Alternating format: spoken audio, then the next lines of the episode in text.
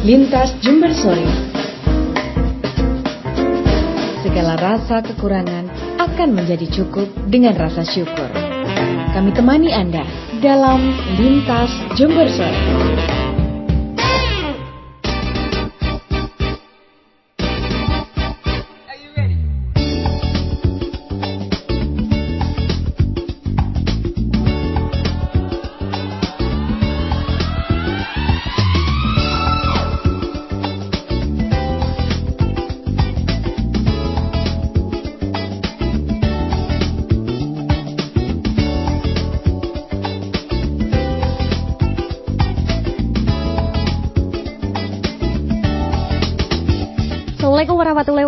Selamat sore, selamat datang kembali di Lintas Jember Sore. Untuk edisi hari ini hari Minggu 14 September 14 November 2021 bersama saya Nova Novita.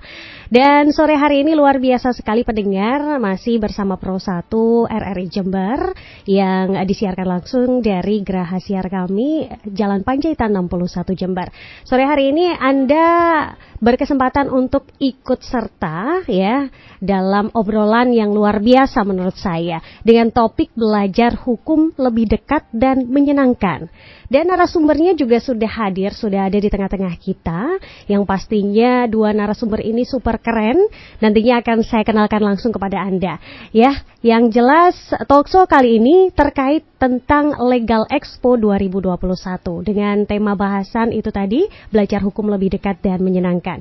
Bersama dua narasumber kita, ada Ibu Irma Devita Purnamasari SHMKN. Beliau ini adalah uh, pendiri dari IDLC, Irma Devita Learning Center. Dan juga Ibu Sakura Yuki SH, beliau Ketua Panitia Legal Expo 2021.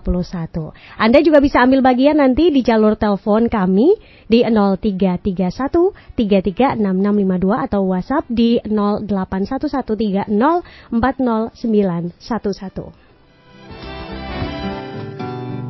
Kanal Inspirasi.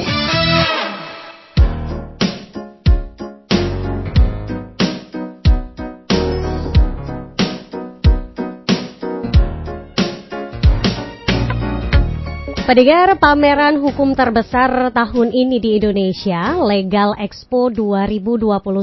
Boost your career, advance your studies, expand your network in the legal field and beyond meraih rekor Museum Rekor Indonesia, Museum Rekor Dunia Indonesia atau MURI pada hari terakhir di rangkaian pelaksanaannya pada 13 November 2021. Rekor dunia MURI ini yang diraih adalah kategori pameran hukum secara daring dengan narasumber terbanyak dari satu angkatan satu alma mater. Acara yang diselenggarakan secara virtual ini diikuti oleh lebih dari 2.000 orang pendaftar dan perwakilan dari 127 universitas di Indonesia.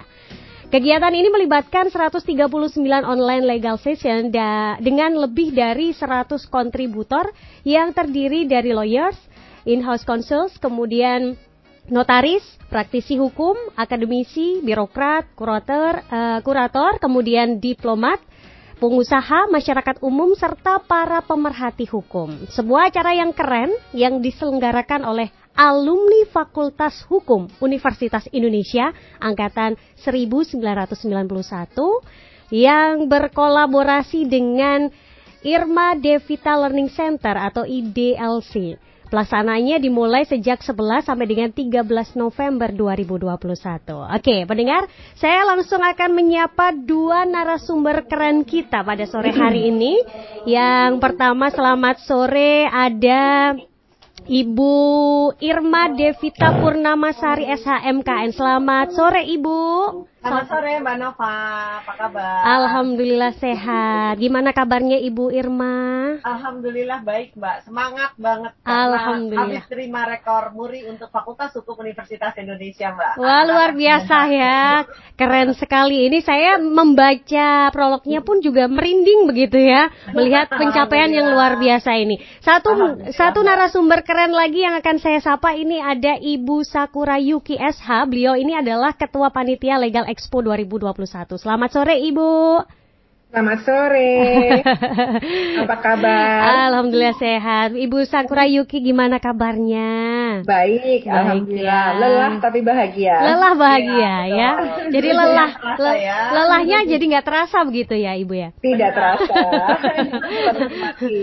Congratulations ya untuk Ibu Sakura Yuki dan juga Ibu Irma Devita selaku uh, pendiri dari IDLC ya yang memang pendengar uh, acara yang sudah mendapatkan penghargaan ini ini rekor muri ini uh, bisa ber tersenggara berkat kerjasama atau kolaborasi antara uh, Fakultas Hukum UI angkatan tahun 1991 dengan IDLC yaitu Irma Devita Learning Center. Begitu ya Ibu ya? ya Benar ya? Betul, Keren ya. sekali. Jadi ini adalah acara luar biasa uh, di masa sekarang ini, masa yang memang kita tahu ya serba digital begitu ya Ibu ya. Jadi ya, disuguhkan benar. dengan acara ini benar-benar antusiasme masyarakat luas kalau kita lihat ada ribuan pendaftar begitu ya. Benar, Mbak. Baik, boleh diceritakan Ibu uh, Irma terlebih dahulu ya. Ini dalam rangka apa sih Bu penyelenggaraan ini bisa kerjasama dengan seluruh alumni di angkatan 91 FHUI? UI, monggo. Ya, jadi uh, nanti pasti bisa ditambahkan dengan Mbak Yuki ya sebagai yeah. ketua panitia. Jadi sebagai landasan awal tentunya kita ini kan uh, sudah 30 tahun mm-hmm. tamat dari Fakultas Hukum. Jadi artinya dari kita masuk sebagai uh, mahasiswa Fakultas Hukum dan kita sudah sampai di dalam suatu stage yang uh, ibaratnya kita selesailah dengan diri kita sendiri begitu. Jadi kita uh, berpikir bahwa it's time to give back. Jadi artinya uh, kita akan melakukan sesuatu untuk masyarakat. Dan sebaik-baiknya manusia kan tentunya adalah manusia yang bermanfaat untuk orang lain, Betul. gitu kan ya Mbak Nova ya. Luar biasa. Jadi uh, akhirnya kita membuat satu rangkaian yang nanti akan lebih lebih uh, detail lagi dijelaskan oleh Mbak Yuki. Uh, tapi pada prinsipnya kita ini kepingin sekali supaya bisa uh, alumni 91 itu melakukan suatu reuni, tapi reuninya itu apa uh, bermanfaat begitu. Jadi tidak sekedar uh, reuni yang cuma satu dua jam selesai, tapi kita punya uh, manfaat yang berkelanjutan. Makanya kenapa juga dipilih tanggal di tanggal uh, 11, 12 dan 13 November ini karena dengan bertepatan dengan Hari Pahlawan, Mbak. Oh, begitu. Jadi uh, apa di sini nih kita sebagai generasi penerus juga kita berpikir bahwa Nah, inilah caranya. Karena kita sebagai uh, ahli-ahli hukum, tentunya kita ingin berkontribusi kepada masyarakat apa saja uh, dalam bentuk yang uh, bisa menjadi suatu kenangan ataukah suatu kebermanfaatan dari ilmu-ilmu kita kepada masyarakat dengan uh, mengajarkan ilmu-ilmu yang sudah kita miliki, pengalaman yang sudah kita punyai kepada seluruh masyarakat dan khususnya kepada adik-adik mahasiswa Fakultas Hukum dari Sabang sampai Merauke.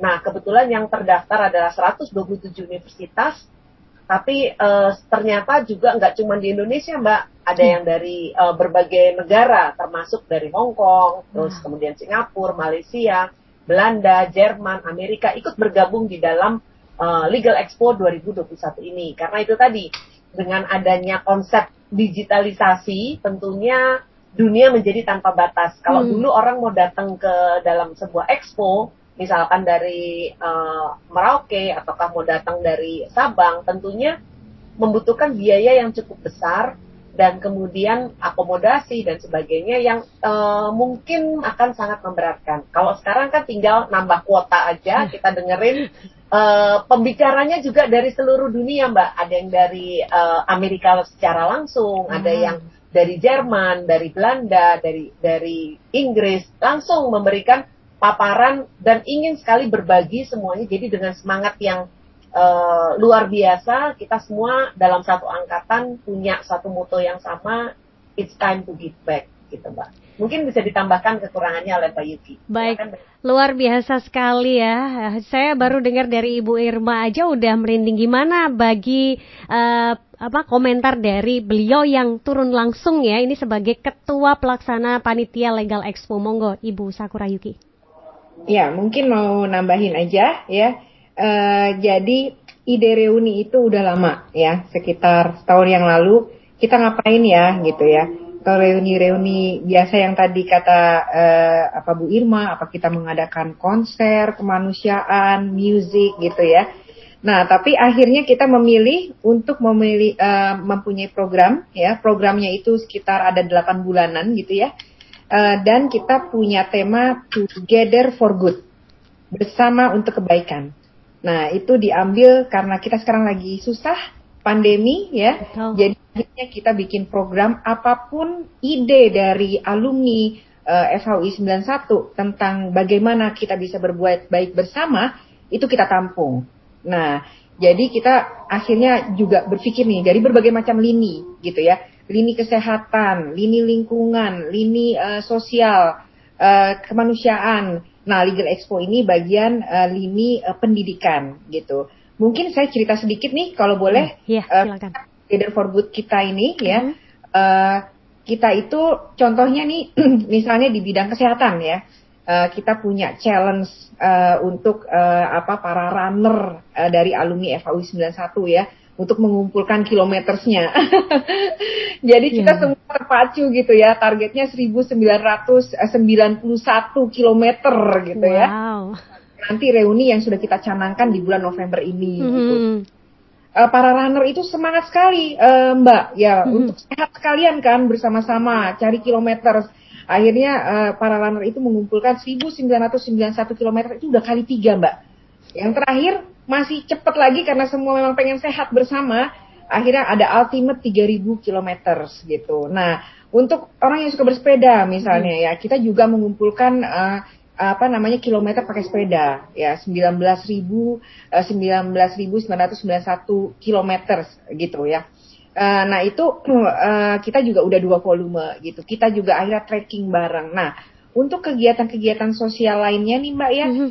uh, juga uh, ada um, uh, memberikan 3.000 nasi bungkus ya uh, selama dalam waktu satu bulan dengan cara memberdayakan warung-warung kecil gitu warung-warung kecil kita beli ya satu satu nasi bungkus kita sepuluh ribu atau dua belas ribu gitu ya yeah. terus kemudian kita bagikan nah itu dalam satu bulan kita bisa memberikan eh, tiga uh, ribu nasi bungkus dari empat warung kecil mbak warteg mm -hmm. di mana mereka dalam masa pandemi ini sangat merasa terbantu mm. untuk kita beli ya uh, kita jadi ada satu bulan tuh kita fix gitu ya kita mm. pas kita beli gitu nah untuk lingkungan contohnya kita tuh menanam pohon mbak hmm. gitu ya.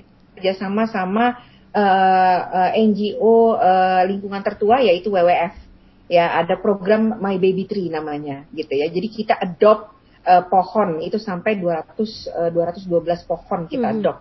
Uh, itu uh, apa semua tuh uh, uh, um, apa namanya kita uh, ada ada donasi yang harus diberikan dan kita membeli pohon itu itulah anak kita gitu ya. Yeah. dan itu kita membantu petani Kemudian ada lagi kita bagi, sembako gratis. Kemudian kemarin kita ada petani uh, yang terkena dampak banjir di Banjarmasin ya kita memberikan pupuk gratis buat mereka gitu ya. Uh, kemudian kita juga bekerja sama dengan Book Hive untuk bikin semacam kayak uh, perpustakaan kecil mm -hmm. ya hmm, hmm. aman gitu ya. Dan itu uh, apa kita menyingsingkan uh, apa namanya uh, uh, uh, tenaga juga ya uh, kita kasih uh, buku kita kita juga dikasih tempatnya gitu ya bersama bekerjasama dengan Book Hive gitu ya. Uh, itu sekarang sampai sekarang juga masih ada. Kita punya empat spot gitu ya dari donasi FAUI 91 nah ini banyak lagi nih mbak. Uh, ada lagi voucher aplikasi ya pendidikan mm -hmm. 4.000 siswa. Terus kemudian ada kita kita juga uh, punya, uh, memberikan torrent ya, tiga torrent uh, untuk air bersih di Kepulauan Seribu karena susah di sana gitu. Nah, bagian pendidikan ya, uh, bagian pendidikan kemudian kita berpikir gini, time to give back yang tadi kita kita uh, apa Mbak Irma juga bicarakan ya.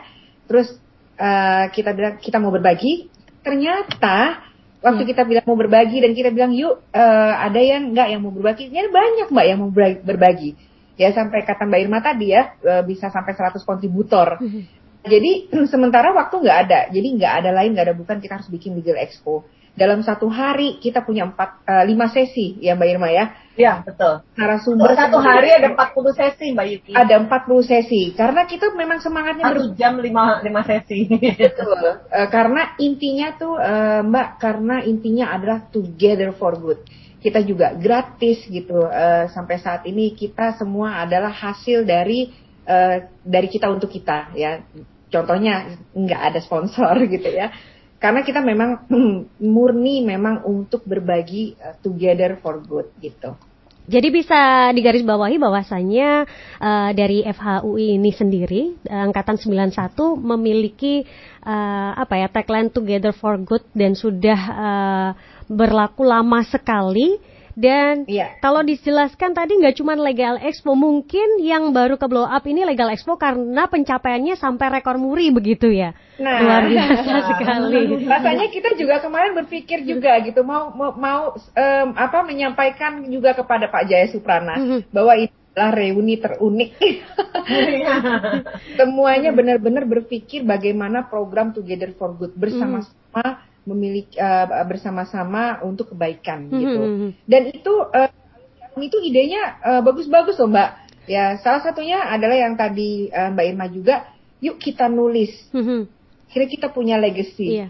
Terus nulis-nulis akhirnya kita punya 24 penulis. Sekarang kita punya buku gitu ya. Jadi hmm. apa pun ide intinya yang ya bisa ber, bermanfaat untuk alam semesta uh, itu ada yang uh, kasih ide, ada yang melaksanakan dan jadilah yeah. gitu ya. Keren sekali. Uh, memang karena alumni FAW 91 ya alhamdulillah sampai sekarang masih komunikasi lancar hmm. ya. Uh, dan ya, yeah. jadi uh, kita dengan dengan tagline Together for Good semua kayaknya langsung terinspirasi. Ayo yeah. kita sama-sama berbuat baik bersama dalam rangka reuni uh, mutiara kita ini. Yeah. Gitu. Ini keren iya, sekali ya, sih sebenarnya. memang karena yeah. kondisi pandemi nih Mbak, mm -hmm. Mbak Nova ya. Yeah. Jadi memang kayaknya keinginan orang ingin membantu sesama, tapi dengan caranya masing-masing. Nah yeah. ini salah satu caranya dengan acara-acara ini gitu Mbak Dova. Baik, luar biasa sekali. Semoga dengan apa yang sudah diceritakan uh, dari Ibu Yuki dan juga Ibu Irma ini juga bagi pendengar merupakan sebuah inspirasi tersendiri apalagi uh, bagi ya. para alumni mungkin atau mahasiswa yang saat ini masih berjuang nantinya bisa uh, berjuangnya lebih ke kontribusi untuk masyarakat lebih luas ya. Jadi nggak sekedar reuni-reuni oh. aja, tapi justru reuni yang dampaknya besar bagi lingkungan semacam itu ya. Nah, uh, saya mau tanya ini ada yang unik di sini. Kalau tadi kan kayak berasa kayak Wow, dapat rekor muri. Kira-kira rekor muri, capaian rekor muri ini untuk kegiatan Legal Expo kemarin itu apakah memang termasuk salah satu target uh, atau memang di luar prediksi begitu, Ibu Yuki dan Ibu Irma? Silakan. Uh, Oke. Okay. Uh, eh, Muri itu tidak target kami. Okay.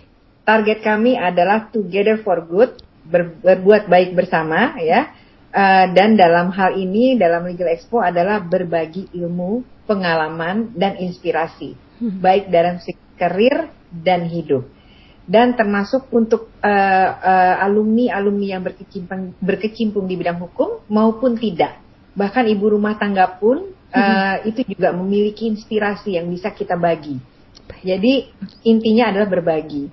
Nah, ide muri itu di belakang karena banyak gitu ya, yeah. banyak kemudian IDLC, IDLC kemudian uh, punya ide gimana kalau kita ngobrol sama muri, apakah ini bisa kita daftarkan gitu ya. Gitu. Nah, uh, hasil kerja keras IDLC hmm, sama dengan ya, melakukan pendekatan kepada Muri dan sampailah pada tagline bahwa ini bagi Muri dilihat sebagai pameran hukum secara daring dengan narasumber terbanyak dari satu angkatan satu alma mater.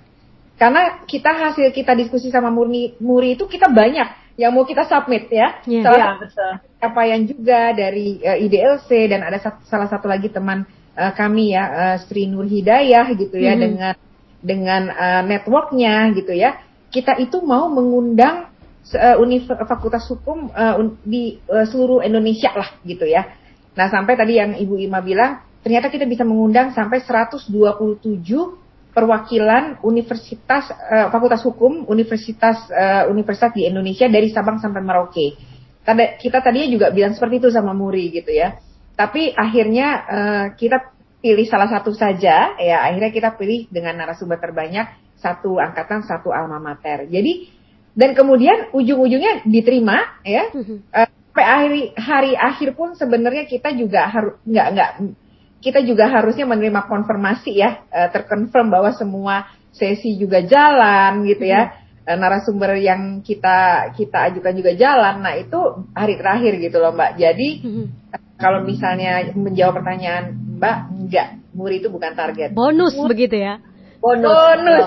Keren sekali. Jadi kita, kita malah yang lebih lebih rasanya amazing ya Mbak Nova ya. Hmm, Apa iya. bukan hanya rekor Indonesia hmm. ternyata, kata Pak Jaya Suprana itu belum pernah ada seluruh dunia Harvard pun belum pernah ada hmm. katanya begitu jadi dibikin akhirnya kita direvisi rekornya bukan rekor Indonesia tapi rekor dunia mbak hmm, keren sekali jadi, uh, ini uh, buat kita sih sebenarnya ya bonus lah ya hmm. karena kita uh, dari hati kepingin berbagi dan hmm. memang memang kita ingin sekali uh, bisa menjadi sebuah inspirasi sebenarnya ini bagian dari inspirasi ya yeah. bahwa uh, kekuatan dari uh, masyarakat Indonesia kalau memang punya willingness untuk berbagi itu pasti dahsyat banget pastinya. Ini baru satu angkatan hmm. gitu loh, Mbak. Bayangkan kalau seluruh fakultas hmm. atau seluruh uh, universitas yeah. melakukan hal yang sama, bisa jadi ini bisa menjadi suatu gerakan kebaikan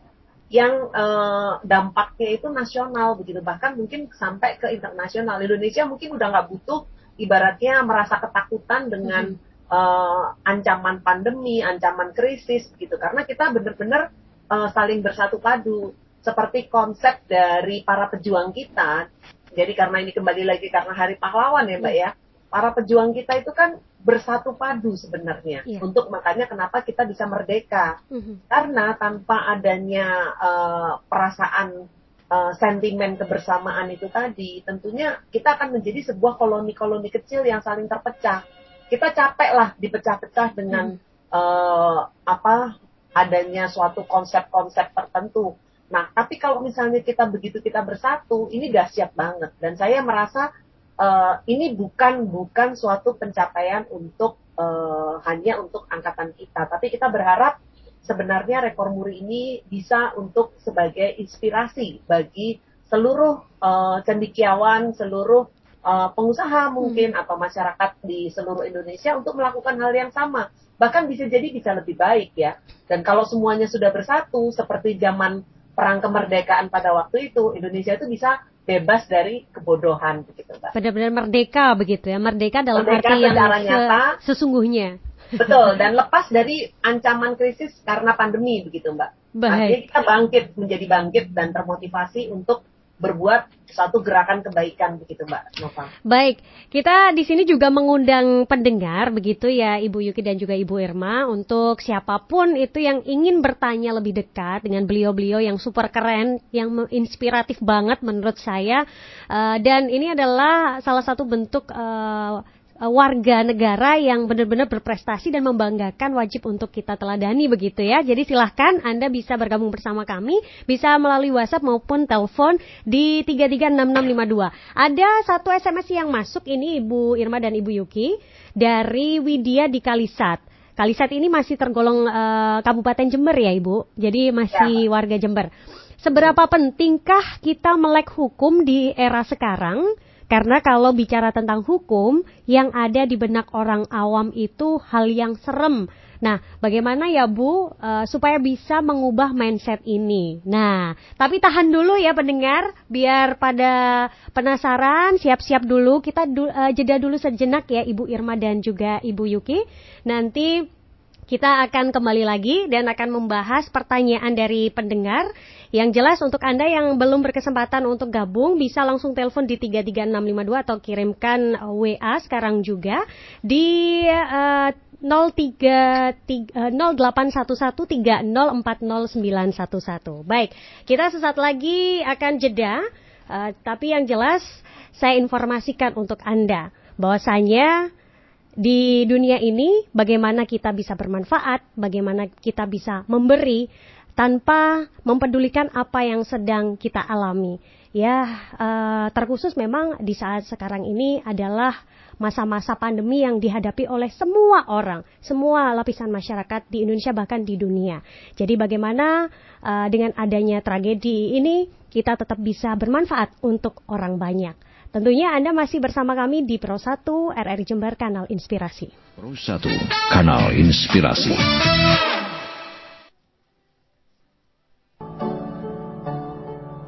Hayo, kakek lagi ngapain? Ah, kamu ini. Apa itu, kek? Ini semua punya kakek. Wah, ada lencana, ada piagam, dan baju lusuh ini mau diapain? Hus, sembarangan. Barang-barang ini sangat berarti. Semua ini mengingatkan kakek di mana semua rakyat Indonesia bahu membahu berkorban tanpa pamrih bahkan nyawa sekalipun demi sebuah cita-cita merdeka. Jadi kakek ikut berjuang, ikut perang dar tidur gitu. Wah, kakekku hebat. Doni ingin seperti kakek.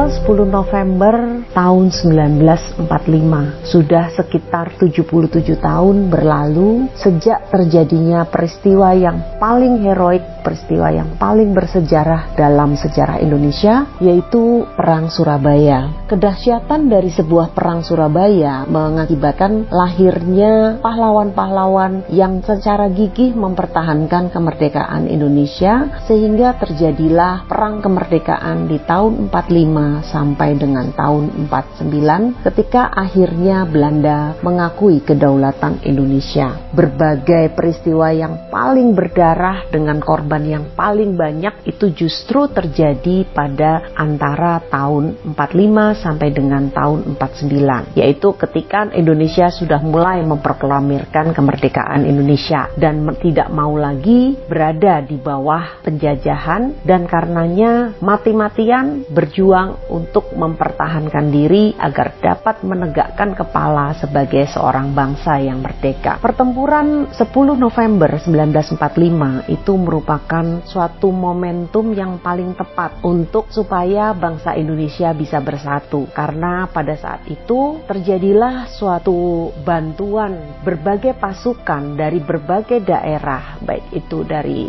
Jawa Timur Selatan juga dari luar-luar pulau seperti Bali, Sulawesi, dan bahkan dari Pulau Sumatera dan Kalimantan. Karena tujuannya adalah satu, yaitu mencegah masuknya kembali Belanda ke Indonesia, serta mencegah agar Indonesia dijajah kembali ketika terjadinya uh, perampasan pistol pistol-pistol yang dimuat oleh tentara Jepang, pistol-pistol dan samurai-samurai yang tadinya dikuasai oleh tentara Jepang yang sudah menyerah akan dilucuti oleh tentara sekutu. Nah, ini adalah suatu kesempatan bagi bangsa Indonesia yang baru saja merdeka untuk dapat mengambil alih kekosongan pemimpinan tersebut sehingga terjadi berbagai peristiwa berdarah seperti tertembaknya Brigadir Malabi. Nah, di sini adik-adik, Bapak Ibu dan para pendengar sekalian dapat kita teladani begitu banyak hal-hal yang penting dengan terjadinya peristiwa 10 November tersebut. Karena 10 November merupakan suatu momentum yang tepat untuk kita mulai bersatu dan mulai bisa mm, mempertahankan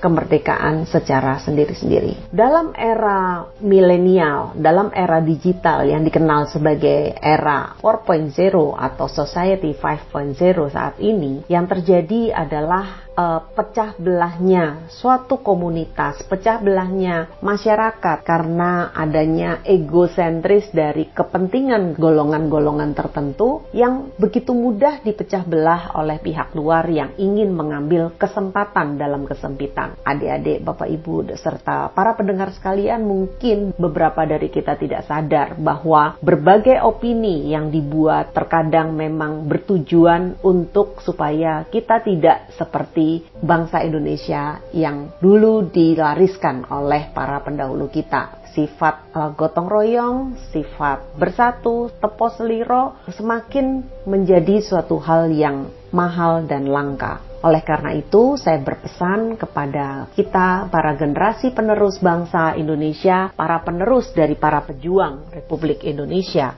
agar dapat mempelajari lagi, mengulik kembali bagaimana kisah perjuangan dari para pendahulu kita di mana setiap jengkal dari tanah yang ada di Indonesia ini harus dipertahankan dengan susah payah dengan darah dan air mata dari para pejuang. Nah, oleh karena itu, kita sebagai generasi yang meneruskan kemerdekaan, marilah kita untuk terus bersatu kita terus mengisi kemerdekaan dengan hal-hal yang positif, hal-hal yang sifatnya merawat, bukan menghancurkan kemerdekaan yang sudah diraih dengan susah payah oleh para pejuang-pejuang kita yang gagah berani.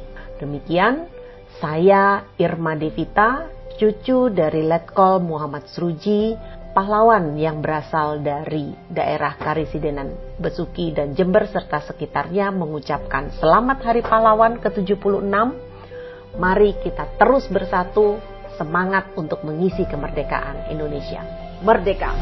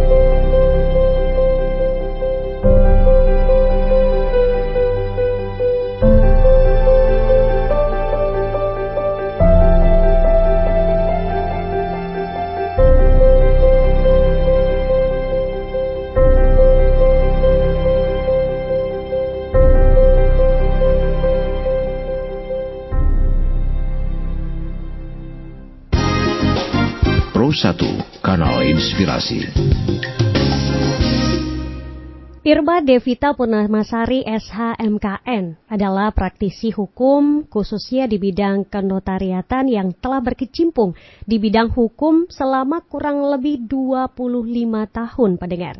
Beliau mendapatkan gelar sarjana hukum dan magister kenotariata dari Fakultas Hukum Universitas Indonesia. Di samping menjalani profesi sebagai notaris, Beliau aktif menjadi penulis buku dan juga mengajar di berbagai pelatihan, seminar, talk show maupun diskusi di bidang hukum dan non-hukum. Beliau adalah pendiri dan pemilik lembaga pelatihan yang diberi nama Irma Devita Learning Center IDLC. Selain menggeluti bidang hukum, Irma adalah sosok yang multitalenta. Kiprahnya dalam bidang sejarah dan penulisan novel fiksi berlatar sejarah berjudul Sang Patriot tentang perjuangan kakeknya selama berjuang. Hal tersebut karena dia adalah cucu dari seorang pahlawan Jember, Letkol Muhammad Sruji. Pro 1, Kanal Inspirasi. Pro 1 RRI Jember, Anda masih bersama kami di sini. Saya kembali bersama dua narasumber keren saya di sini. Ada Ibu Irma Devita dan juga Ibu Sakura Yuki. Masih semangat, Ibu? สมังอาจ Semangat terus Mbak. Kita kan ini ya. terus berjuang. Betul ya, luar biasa sekali. Saya mendengar cerita-cerita dari beliau ini pendengar ya, beneran. Ini padahal AC di ruangan ini nih dingin gitu ya. Tapi saya kayak eh, panas gitu ya, merinding-merinding gimana begitu. Mendengar perjuangan-perjuangan beliau yang keren bersama dengan rekan-rekannya sesama alumni dari Fakultas Hukum Universitas Indonesia angkatan 1991 begitu ya. Iya, Itu benar. saya baru lahir itu Ibu. Tapi. Tapi ibu-ibu ini sudah berjuang luar biasa meskipun saya baru lahir dan sekarang di sini foto bersama pun kelihatan usianya kayak sama begitu ya. begitu awet mudanya ibu-ibu ini yang luar biasa sekali ini. Ibu tadi kan sempat ada pertanyaan dari pendengar begitu ya. Eh, yaitu dari Widya di Kalisat. Mungkin bisa dijawab, saya ulang lagi pertanyaannya, seberapa pentingkah kita melek hukum di era sekarang? Karena kalau bicara tentang hukum memang uh, di benak orang awam itu hal yang serem begitu ya. Bagaimana bisa mengubah mindset ini? Silahkan Ibu. Jadi kalau misalnya awal-awalnya kita bicara tentang hukum ya, pasti yang dibayangkan adalah kita eh, apa penjara, terus kemudian pengadilan, terus kepolisian dan sebagainya. Padahal hukum itu merupakan satu kesatuan yang melekat sejak manusia itu lahir. Iya. Karena begitu lahir akan tercipta suatu hubungan hukum antara si anak dengan orang tuanya, yaitu si anak menjadi seorang anak kandung atau anak-anak yang menjadi tanggung jawab bagi orang tuanya itu sendiri. Demikian pula ketika kayak Mbak Nova nih melakukan penyiaran seperti ini, pasti semuanya dinaungin dengan hukum itu sendiri. Terus kemudian Mbak Nova harus eh, sekolah misalkan itu juga berhubungan dengan hukum. Semua dalam eh, kehidupan kita tidak pernah terlepas dari hukum. Makanya kenapa jangan eh, jangan menganggap bahwa hukum itu nggak penting karena dia masuk ke dalam semua eh, lini dan suatu eh, kehidupan dari semua umat manusia karena hukum itulah yang mengatur. Nah, supaya eh, kita melihat hukum itu tidak seram ataukah suatu hal yang eh, ngeri dengan karena selalu asosiasinya dengan penjara, dengan pidana, wah salah-salah gue dihukum gitu kan. Sebenarnya kembali lagi ke bagaimana kita menyikap, menyikapinya. Karena hukum itu sendiri dapat dipelajari dengan cara yang sangat mudah. Misalkan seperti yang dilakukan oleh eh, teman-teman di Fakultas Hukum Universitas Indonesia pada saat melakukan Legal Expo, itu termasuk kami saya juga, itu akan mencoba untuk menganalogikan dengan suatu kehidupan sehari-hari yang akhirnya membuat hukum itu memang terasa tidak berjarak dengan dengan kita begitu.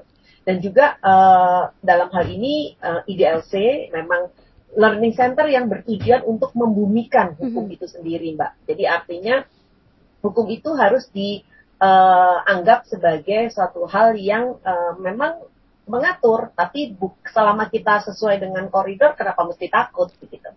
Mungkin kawan saya bisa menambahkan dalam hal ini, Bu Yuki. Silakan. Ya, eh, apakah kita harus melek hukum? Jawabannya iya. Cuman tinggal sekarang seberapa melek. Mhm.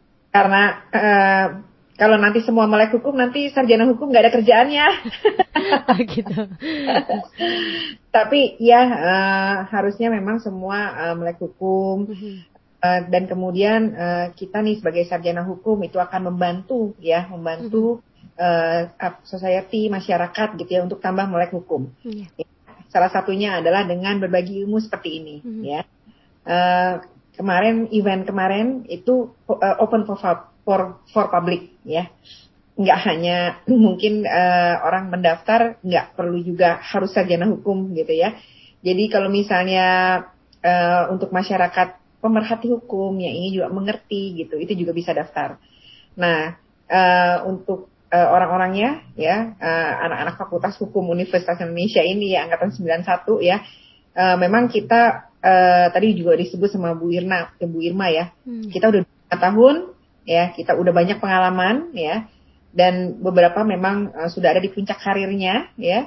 Dari segi mental juga eh, dari segi mental juga eh, eh, setelah 30 tahun ini semakin matang ya. Nah jadi pada saat ini kita time to give back. Tapi kalau melihat siapa kita ya, ada kita punya IG Evawi 91. Kita orang yang sangat fun. Jadi untuk mengerti hukum dari orang yang juga fun gitu ya, semoga uh, nggak susah-susah banget kok. yeah. Udah kita bawa senyum, kita bawa gampang gitu ya. Yang memang ribet itu nanti adalah kalau sudah terkena kasus hukum. Hmm. Ya. Nah itu yang itu yang sebenarnya kita hindari kan. Maka dengan mungkin kita mengadakan Legal Expo ini ya dengan semua juga terbuka, masyarakat juga bisa akses dan bahkan juga sekarang uh, ada di ada di YouTube ya, uh, YouTube IDLC ya, uh, Mbak Irma ya. Sekarang pun uh, semua masyarakat bisa ikut belajar di situ, nggak pakai uh, mesti bayar-bayar. Kita taruh di situ sampai mau 10 tahun juga, semoga orang bisa bisa uh, belajar ya. Uh, orang juga bisa uh, mendengarkan sharing session kita ya. Dan harusnya uh, tidak tidak uh, itu metode yang fun lah ya, nggak nggak harus menghafal gitu mm -hmm. ya. Kita kita memang angkat isu-isunya yang yang topik-topik hangat gitu ya. Uh, mudah-mudahan uh, bisa mudah dicerna uh, oleh masyarakat gitu pemerhati hukum. Baik, luar biasa sekali. Ini Ibu Irma dan juga Ibu Yuki. Saat ini kita juga ada penelpon uh, pendengar yang sudah terhubung bersama dengan kami. Kita sapa terlebih dahulu. Selamat sore. Selamat halo. sore. Iya, halo. halo, selamat sore. Baik, dengan ya. siapa di mana? Saya Imam Ibu Baik. dari Jember. Baik, monggo Bapak Imam. Ya, terima kasih. Ada kalimat terakhir tadi dari narasumber yang membuat saya tertarik bahwa hukum katanya ada di semua bidang kehidupan. Nah, saya itu serikat dari serikat pekerja yang banyak awam tentang hukum, Bu. Ya, yang perlu saya tanyakan pada uh, pembicara, kadang saya melihat di dalam hukum ketenaga kerjaan itu antara yang tertulis dengan yang dilaksanakan itu berbeda. Sementara karena saya bukan sarjana hukum, tahu hukum ya dari aturan. Kalau pasalnya bilang A katakanlah pelaksanaannya beda, misalnya uh, contoh upah pekerja harus dibayar sesuai upah ketentuan upah minimum. Terus tapi pelaksanaannya banyak perusahaan tidak membayar sebesar itu, tapi tidak ada tidak ada tindakan, tidak ada apa pun. Itu bagaimana ya Ibu? Antara aturan dengan pelaksanaan beda. Itu Ibu. Itu yang pertama. Apa boleh saya tanya yang yang kedua Ibu? Boleh, silakan. Ah, itu Ibu. Ya, uh, tempo hari saya gak paham ikut webinar.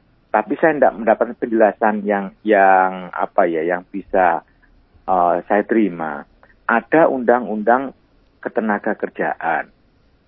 PHK karena efisien boleh. Efisiensi katanya boleh. Terus oleh Mahkamah Konstitusi ada keputusan baru, pasal itu dibatalkan. Nah, kemudian ada putusan Mahkamah Agung lagi yang membolehkan. Dan terakhir, info dari teman saya tadi dalam pertemuan uh, Serikat Pekerja, ya, Undang-Undang Omnibus Law itu membolehkan lagi uh, pasal yang boleh mem-PHK karena efisiensi atau penghematan perusahaan Teman-teman saya bingung Bu, ini pasal mana yang seharusnya berlaku. Itu saja Ibu, Baik. saya Imam. Baik. Terima kasih. Terima kasih kembali. Selamat sore Bapak Imam. Baik, itu tadi sudah ada Bapak Imam yang mengajukan dua pertanyaan. Masih ada penelpon lagi, kita angkat lagi aja ya Bu. Menarik ini ya. Baik, selamat sore. Halo. Selamat sore. Halo, selamat sore. Iya, dengan siapa di mana Bapak? Dengan Zulfikar. Mohon maaf, Bapak dengan siapa di mana?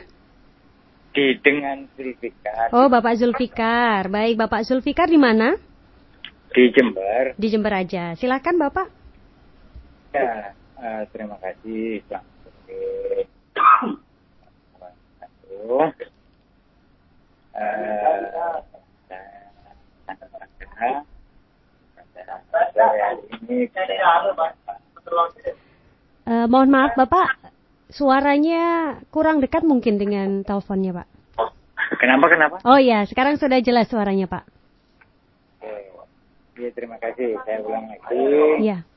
Eh, saya bangga bisa menyapa Bu Irma pada sore hari ini. Nah, untuk Bu Irma sendiri, eh, saya ini ada warga yang tersandung masalah hukum. Apakah bisa konsultasi dengan IDLT? Kalaupun memang bisa, bagaimana caranya? Itu aja, Pak. Baik, terima kasih Bapak Zulfikar. Baik, selamat sore. Oke, kita Kayaknya telepon katanya banyak banget ya Mbak ya dari Ih, tadi. Iya, ini berarti obro- obrolan kita menarik sekali begitu ya Ibu.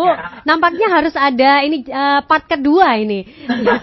ini waktunya karena sudah mepet, silakan Ibu ada beberapa pertanyaan itu tadi Bu.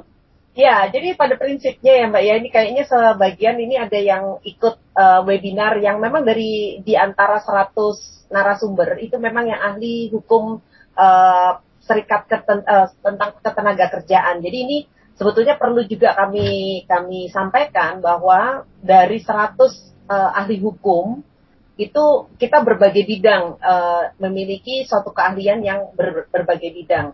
Nah, salah satunya memang mungkin di kelas yang diikuti oleh yang tadi yang dari Bapak dari Pak Iman ya kalau nggak Iya, salah ya. Pak Imam. Eh, dari Serikat Pekerja itu tentang memang ketenaga kerjaan. Di sini karena kita sebagai eh, lawyer maupun ahli hukum, tentunya kita selalu menjawab sesuai dengan kompetensi kita. Jadi nanti mungkin bisa menghubungi salah satu narasumber atau tim kami dalam arti di sini tim pengajar yang dari angkatan 91 yang memang spesialisasi di bidang itu. Nah, terkait dengan tadi akan berkonsultasi juga mungkin bisa eh, melalui email di legalexpo2021@gmail.com untuk supaya bisa eh, kita arahkan kepada eh, kawan yang memang ahli di bidang hukum yang ditanyakan. Karena seperti yang disampaikan tadi bahwa eh, kayak Ibu Yuki ini ahlinya di bidang korporasi dan saya ahli di bidang eh, apa pertanahan karena kebetulan profesi saya dan Bu Yuki ini bukan yang terkait dengan ketenaga kerjaan. Untuk itu bisa eh, meng- mengirimkan email yang nantinya akan kita sampaikan kepada eh, rekan-rekan kami yang eh, bisa mengerti terkait dengan pertanyaan yang disampaikan. Baik, Ibu Yuki mungkin mau menambahkan? Eh, boleh kalau mungkin eh, yang tadi pertanyaan nomor satu eh, itu mungkin saya bisa men- bisa menjawabnya ya. Eh, kok yang tertulis dan pelaksanaannya berbeda? Nah mungkin eh, perta- eh, pertama-tama memang inilah pekerjaan kami. kalau semuanya sama dan smooth kita nggak ada kerjaan. Mungkin itu memang terjadi dari eh, apa yang tertulis itu cara mendraftingnya itu akhirnya open untuk interpretasi multi multi interpretation ya jadi bisa diterjemahkan ini bisa diterjemahkan itu gitu ya karena kadang-kadang eh, cara mendraftingnya atau cara dia me- apa, eh, mengatur gitu ya terlalu umum misalnya ya nah akhirnya menimbulkan eh, ruang untuk eh, masing-masing pihak berinterpretasi itu maksud pasalnya apa Nah, itu intinya sebenarnya. Yang bikin blunder itu. Nah, pada saat itu yang harus menjawab kalau semuanya jelas kan ini bisa diartikan ini, ini bisa diartikan itu. Berarti sebenarnya pembuat undang-undangnya, pembuat peraturannya lah yang harus mengklarifikasi maksudnya apa, ya kan? Nah, di situlah akhirnya kita kalau kalau lawyer nih ya, kalau pengacara, kita baca undang-undang, tapi kita nggak bisa hanya bersandar pada undang-undang dan peraturan aja. Kita pasti cek ya. Cek di eh, apa eh, technical departemennya yang bersangkutan.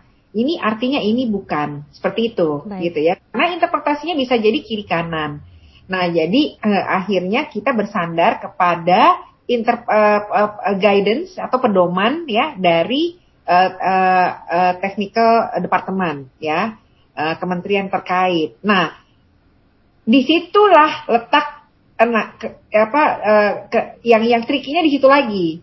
Kita dengan siapa? Bisa jadi interpretasi di sana satu berbeda ya kan dengan yang lainnya.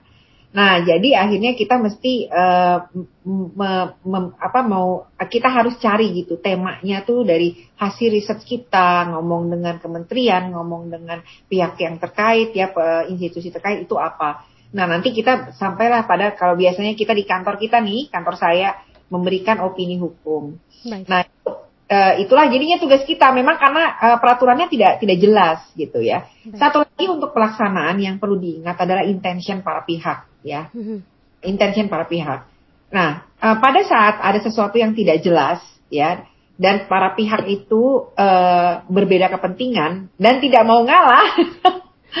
nah, di situlah yang akhirnya uh, kata-katanya tuh gimana sih tertulisnya begini, pelaksanaannya begini kayak gitu kan ya. Jadi uh, pada dasarnya uh, kalau misalnya peraturannya tidak jelas, tapi para pihak kemudian intensinya jelas dan berhasil memiliki kepentingan yang nggak sama sih, tapi mendekati sama, biasanya itu selesai mbak. Hmm, Oke. Okay. Gitu. Biasanya kepentingannya nggak sama. Nah, kalau begitu nggak sama, akhirnya interpretasi peraturan itu hmm. akhirnya larinya ke pengadilan. Oh, begitu. Akhirnya hukum. Jadi hakim yang menentukan begini loh cara interpretasinya, ya, gitu. Baik. Nah, itu si hakim itu akhirnya memberikan interpretasi karena kita bukan menganut sistem presiden ya. Hmm. Ini suatu hakim uh, misalnya uh, mengeluarkan putusan, besoknya ada hakim harus mengikuti seperti itu. Jadi kadang-kadang memang keputusan hakim itu uh, ber, ber, bertentang bisa jadi bertentangan. Kalau di luar negeri itu sistemnya presiden. Apa yang udah diputuskan oleh suatu hakim itu akan menjadi presiden dan untuk dipertimbangkan dan diputuskan demikian oleh hakim lainnya, gitu kan ya. Nah di Indonesia tuh nggak kayak begitu, makanya tadi uh, jadi jadi banyak uh, uh, jadi banyak yang bingung lah contohnya. Nah dalam hakim memutuskan dia juga punya hati nurani. Dia lihat pada saat itu keadaannya bagaimana. Makanya tadi bapak bilang uh, waktu itu udah ada keputusan MA yang mengatur seperti ini. Eh kemudian dibatalin yang lain lagi gitu kan ya. Yeah. MA-nya begini. Itu melihat kepada perkembangan uh, hukum ya yang berlaku dan segala macam. Baik, gitu. luar biasa sekali obrolan kita sore hari ini pendengar nggak kerasa loh satu jam itu sudah berlalu. Ini memang hmm. Hmm, saya kayaknya butuh part kedua Ibu Irma. Gimana Ibu Yuki, Ibu Irma? ada nggak kira-kira ini part kedua? Soalnya ada beberapa SMS dan juga telepon yang tadi juga belum sempat di. Uh, iya banyak yang japri saya iya. juga nih Mbak, kok pertanyaanku nggak dijawab nah, gitu. itu. Dan lagi kita juga belum membahas tentang launching buku antologi hukum dari milik nah, Ibu Irma. Penting, nah, ah, itu. nah itu penting banget Mbak. Jadi ini sebelum di, diakhiri, saya mau uh, sampaikan kepada para pendengar sekalian dan kemudian para ahli hukum yang ada di uh, Jember dan sekitarnya maupun Jawa Timur maupun di seluruh Indonesia. Kita itu punya buku bagus banget, mm-hmm. antologi Untayan Mutiara Hukum Lintas uh, Praktek dan Lintas Sektor. Jadi ini yang nulis ini termasuk Bu Yuki, termasuk saya juga dan juga uh, beberapa ada 24 penulis. Isinya sangat bermanfaat dan berbobot karena kita sama-sama mencurahkan uh, apa keahlian kita di dalam buku tersebut dan itu sudah bisa dipesan Mbak kalau memang uh, kebetulan para pendengar memang uh, biasa dengan Shopee sudah bisa ada di Shopee, kalau hmm. biasa dengan uh, Tokopedia juga sudah ada di uh, Tokopedia karena saat ini nih ada harga diskon hmm. uh, karena ini pre-order. Sekarang uh, per bukunya bisa 120.000, tapi kalau harga umumnya adalah 150.000. Jadi uh, jangan ketinggalan untuk para pendengar supaya segera order bisa melalui uh, email legalexpo2021@gmail.com atau melalui market marketplace terdekat. Baik, terima kasih banyak Ibu Irma dan juga Ibu Yuki kesempatannya sore hari ini. Nanti untuk lebih lanjutnya mungkin teman-teman bisa uh, add ya, uh, follow di akun Instagram IDLC, betul ya Ibu ya? Atau idlc.id. Oke, okay, atau bisa ke Ibu at Irma Devita dan Ibu Sakura Yuki, Instagramnya juga at Sakura Yuki, Bu atau ke FHUI oh, FHUI 991 baik. Di situ juga ada keterangan mengenai bukunya. Baik, ya. terima kasih oh. banyak Ibu kesempatannya sore hari ini sampai ketemu lagi di lain ya, kesempatan. Ya, terima kasih. Nova. Terima kasih, Mbak. Baik, uh, oke sore hari ini berikut uh, sudah kita uh, obrolkan mengenai bagaimana mengenal hukum lebih dekat dengan menyenangkan. Ketemu lagi di lain kesempatan. Saya Nova Novita juga pamit. Wassalamualaikum warahmatullahi wabarakatuh. Pro 1 Kanal Inspirasi.